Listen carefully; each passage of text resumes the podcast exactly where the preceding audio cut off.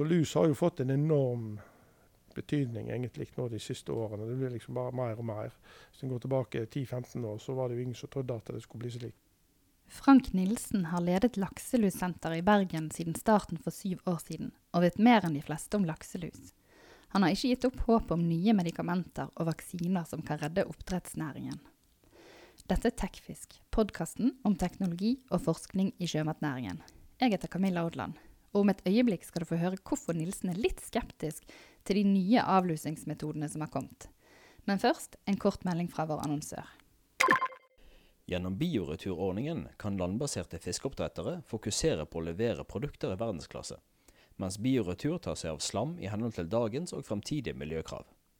Det kreves ingen investeringskostnader, og bioretur sørger for en bærekraftig utnyttelse av fiskeslammet, gjennom bl.a. gjødselsprodukter og substrater til biogassanlegg. Gå inn på nettsiden bioretur.no for å lese mer. Hvor langt har næringen kommet i kampen mot lakselus sammenlignet med det du trodde for f.eks. fem år siden? Ja, Hvis du spoler tilbake fem år, så var det jo eh, en, eh, en kamp eh, mot resistent mot disse legemidlene som var i bruk, og effekten gikk ned. og Det var en veldig stor aktivitet med å utvikle alternative metoder, som da egentlig har endt opp i en sett med mekaniske avlusnings... Hva skal. Så det er jo en ting som som har tatt over litt for uh, legemiddelkontrollen. Uh, siden legemidlene virker dårlig, så har en gått over til mer sånn uh, ingeniørbaserte løsninger. Og Det var gjerne helt nødvendig der og da, fordi at en hadde ikke noe særlig mange alternativer egentlig til dette her. Og Hva tenker du om disse ingeniørbaserte løsningene og de som bruker bl.a. ferskvannsbehandling og varmtvannsbehandling og den type ting? Spyler lusen og hva nå de gjør?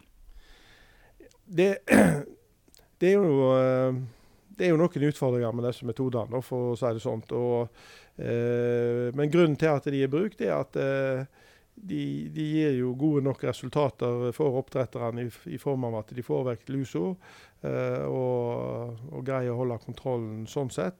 Eh, kostprisen er på en måte det at du håndterer fisken i veldig stor grad. Han blir pumpa ut av sjøen, opp i disse maskinene og så tilbake igjen. og, eh, og eh, det er jo en belastning for fisken, helt klart. og En av utfordringene her er jo vært fiskevelferden oppi det hele. Og, og, det er jo en bekymring med, med slike metoder. Og, i, og en har vel gjerne ikke hatt god nok kunnskap om dette her en har satt i gang, men, men en har iallfall fått noen løsninger som, som for så vidt har eh, gjort jobben i form av å fjerne lus. Men eh, det har nok vært en høy pris på dette her. Og, og Det som er utfordringen, eh, enten det nå er mekanisk avlusning eller kjemisk avlusning, så lenge en ikke dreper all lusa, så eh, er det alltid fare for uh, utvikling av toleranse uh, altså i lusa her. Og, og, det er det vel indikasjoner når det gjelder varmebehandling allerede, at, at lusa har uh, greier seg bedre i disse varmebehandlingene enn de gjorde før. og vi har òg studert disse tingene litt. Og vi ser det er genetisk variasjon både for eh, varmetoleranse og ferskvannstoleranse. Og det er klart at når du da setter opp disse maskinene, så fungerer det som eh, eh, seleksjonssystem, sånn at du vil kunne påvirke toleransen eh, mot disse like mye som du kan med legemidler, ser det ut til. Tror du oppdrettsnæringen vil klare å bli kvitt lakselusen? En blir vel neppe kvitt lakselusen helt, i og med at en har en forpliktelse til å ta vare på villaksen. Og der har det vært lus i alle år. Så eh, lus vil det nok være. Og eh, noen sier det at ja, hvis vi flytter anleggene på land, så har en løst alle problemene lukka, inne i lukka anlegg. Men eh, det kan nok hende det at du kan være bedre i stand til å løse lusproblemet. Men eh, det er jo en viss risiko for at du får eh, eh, det vil dukke opp noen nye problemer som kanskje er enda mer verre kanskje enn lus, eh, sånn sett for næringen iallfall. Men eh, jeg tror jo det at eh, lus er noe næringen må, leve, må lære seg å forholde seg til nå lenge framover. Jeg tror det som er en av det aller viktigste, det er at en har et fokus på å utvikle forebyggende metoder, sånn at en ikke hele tida er avhengig av eh, behandling når en overskrider lusegrenser og slike ting. Og eh, Problemet med forebyggende tiltak er at det er ikke så veldig mange som finnes. og når de som Strategiene krever mye kunnskap og gjerne lang tid uh, for å utvikle dem for at de skal være effektive. Så en må være villig til å bruke tid her. altså og ikke minst uh, ressurser på å gjerne tenke forebyggende lusekontroll for behandling hele tida. Ja, for Er næringen flink nok til det, tenker forebygging? Jeg tror næringen gjør så godt de kan i, på lusekontroll. Og det er helt klart at næringen har gjort en har, bruker jo enorme ressurser på dette. Uh, men det er jo lett gjerne slik at en, uh, en, tar det som er tilgjengelig. og, og det er gjerne Problemet er det at det er relativt få effektive virkemidler uh, ute og går. og Da blir det sånn at det, det blir en veldig sterk bruk av gjerne én eller to metoder. og da, da risikerer en å bruke de opp veldig fort. Men det er litt fordi at en har ikke så mange ting å velge mellom. Så ideelt sett så skulle en hatt et, uh, en rekke alternativer for de ulike metodene, og som en kunne bruke når de forebyggende tiltakene ikke var gode nok da, i enkelte perioder av året, eller hva det måtte være. Uh, men jeg tror, jeg tror at uh, en må satse på kunnskap her uh, og ta den tida som trengs for å utvikle det. når det gjelder luseforskning, så er liksom er det stort sett bare de landene som har en oppdrettsindustri som, som har forskningsaktivitet. Og, og, det er klart at da blir det jo viktig for sånn som Norge at de, de har en stor aktivitet på dette. En skal en, uh, sikre at en har nok kunnskap til en god, bærekraftig uh, lusekontroll i framtida. Det er viktig for uh, både industrien og eksportinntekter og alt dette her, selvsagt. Hva tenker du om den rollen lusen har fått for næringen, at det er noe den eh, nesten alene som begrenser veksten deres? Er det riktig? Ja, det er jo slik det er mm, lagt opp til det nye trafikklyssystemet. At lusa er på en måte styrende eh, og den eneste faktoren som eh, på en måte begrenser vekst og ikke vekst i, i landet. Og og det er klart at uh, All den tid du har muligheter for den interaksjonen med miljøet her, i, i, så stor grad du har når du har lakselus du snakker om, så, så blir lus en viktig faktor. Altså det, det er greit nok det, den kostnaden du har i forhold til avlusning, men uh, du har i tillegg òg tapte inntekter i form av at du gjerne ikke får økt vekst.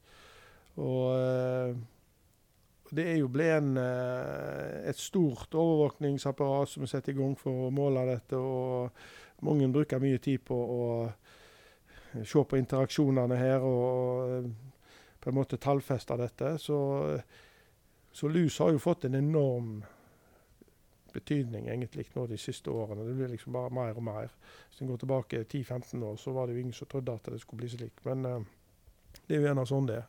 Det dukker opp ting du ikke helt har uh, tenkt deg. Og, og, når du har en så stor industri som du har, så, så, så har en på en måte lagt uh, litt forholdene til rette, sånn at en parasitt som lakselus kan ha det veldig godt. I den forstand at det er veldig mange eh, fisker som den kan slå seg ned på. Og de store, det store antall laks her, det, det gjør jo det at du trenger ikke ha så mange lus per laks for at du får mange lus eh, til slutt, for å si det sånn. men jeg tror jo det at det, det er ikke bare problemer. Jeg tror jo det at det, med bedre kunnskap om, eh, om hvordan lus sprer seg eh, mellom anlegg og innad anlegg og til villfisk og alt dette her, så tror jeg det at en kan kanskje gjøre en del på den forebyggende sida med plassering av anlegg fornuftig og eh, samordning og koordinering i større soner og slike ting. Så så jeg tror nok det at det, det er mer å gå på i, i forskjellige retninger her. Altså.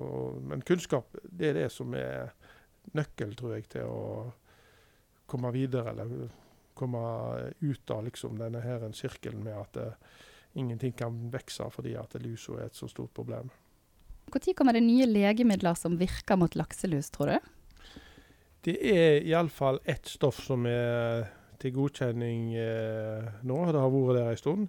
Så jeg regner jo med at eh, det kommer på markedet ganske snart. Eller når Legemiddelverket har fått gjort arbeidet sitt. Så da kommer det noe som virker. Eh, og Er det noe du har tro på òg? Ja, Det vil ha en rolle i uh, lusekontrollen, det er jeg helt overbevist om. det det, det, er et av disse langtidsvirkende stoffene. og uh, Det vil være viktig å ha dette, og kanskje òg andre effektive legemidler til lusekontroll framover.